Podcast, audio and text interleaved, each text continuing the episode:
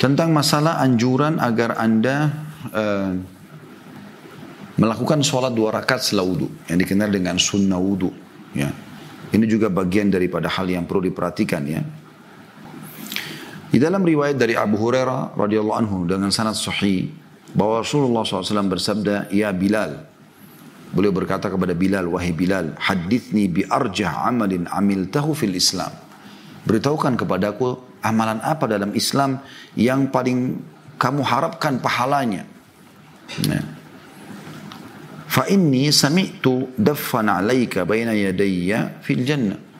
Sesungguhnya aku sempat mendengar terompa sendalmu yang aku dengar di surga. Qala ma amiltu amalan arja indi. Ya min anni lam atatahhar tuhuran fi sa'atin min lailin aw naharin illa sallaitu bidzalika tuhur ma kutiba li an usalliya. Kata Bilal anu tidak ada amalan yang paling aku harapkan balasannya ya. Dibandingkan setiap kali aku selesai bersuci, berudu, baik itu di waktu malam ataupun siang, kecuali aku sholat setelahnya apa yang telah Allah mudahkan atau catatkan untukku pada saat itu.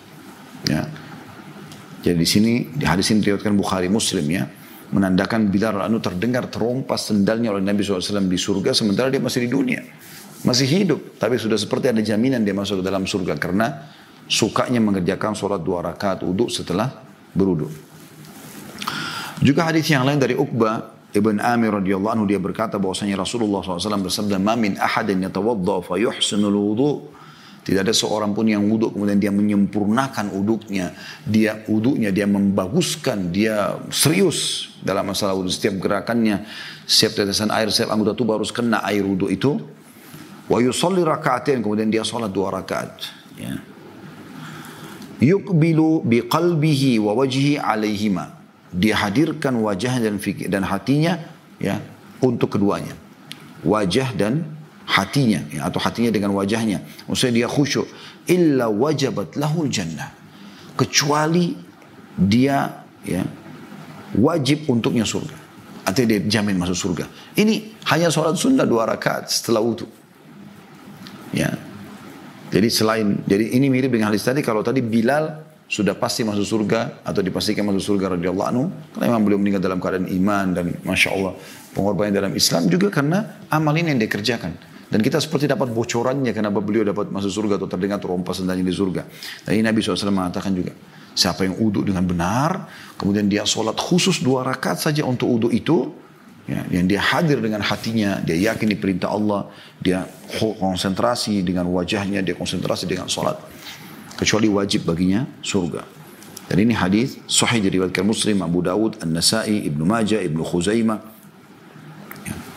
Dan ini saya nukil dari kitab Salat atau kitab Tahara dari uh, At-Targhib Tarhib ya, kitab Al-Mundiri.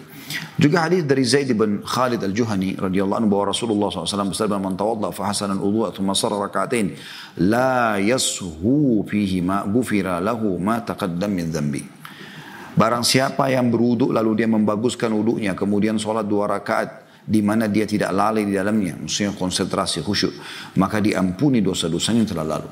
Diriwayatkan oleh Abu Daud. Ini luar biasa keutamaan-keutamaan yang luar biasa gitu. Ya.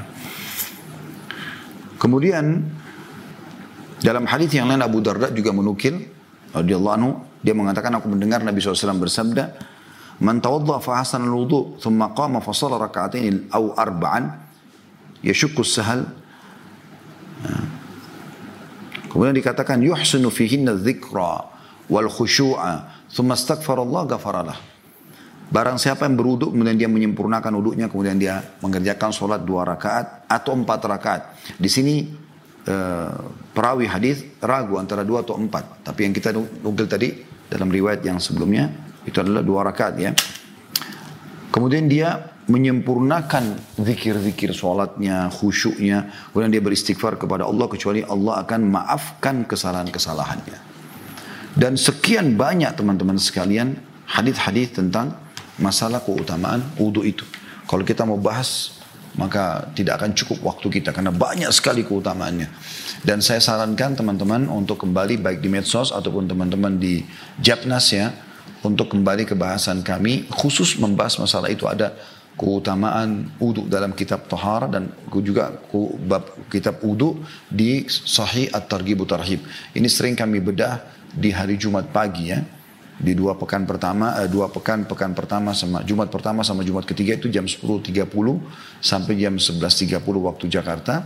Itu eh, kita membahas buku ini dan di pekan kedua sama pekan keempat itu di jam satu siang selepas sholat Jumat. Dan ini sekarang kita sedang masih dalam kitab sholat ya atau kita baru menyelesaikan kemarin. Dan kitab uduk dan tahara sebelumnya. Itu sangat panjang lebar hadis-hadis tentang keutamaan-keutamaan uduk itu sendiri ya. Termasuk tentu di situ ada penyebutan tentang keutamaan uduk yang dilakukan pada saat mau tidur ya. Pada saat orang lagi uh, tidak hadir ya. Dia dalam arti kata orang lagi malas-malasnya pada saat mau tidur. Atau selepas berhubungan biologis pada saat belum mau mandi maka dia dianjurkan wudhu. Ya itu sudah panjang lebar saya jelaskan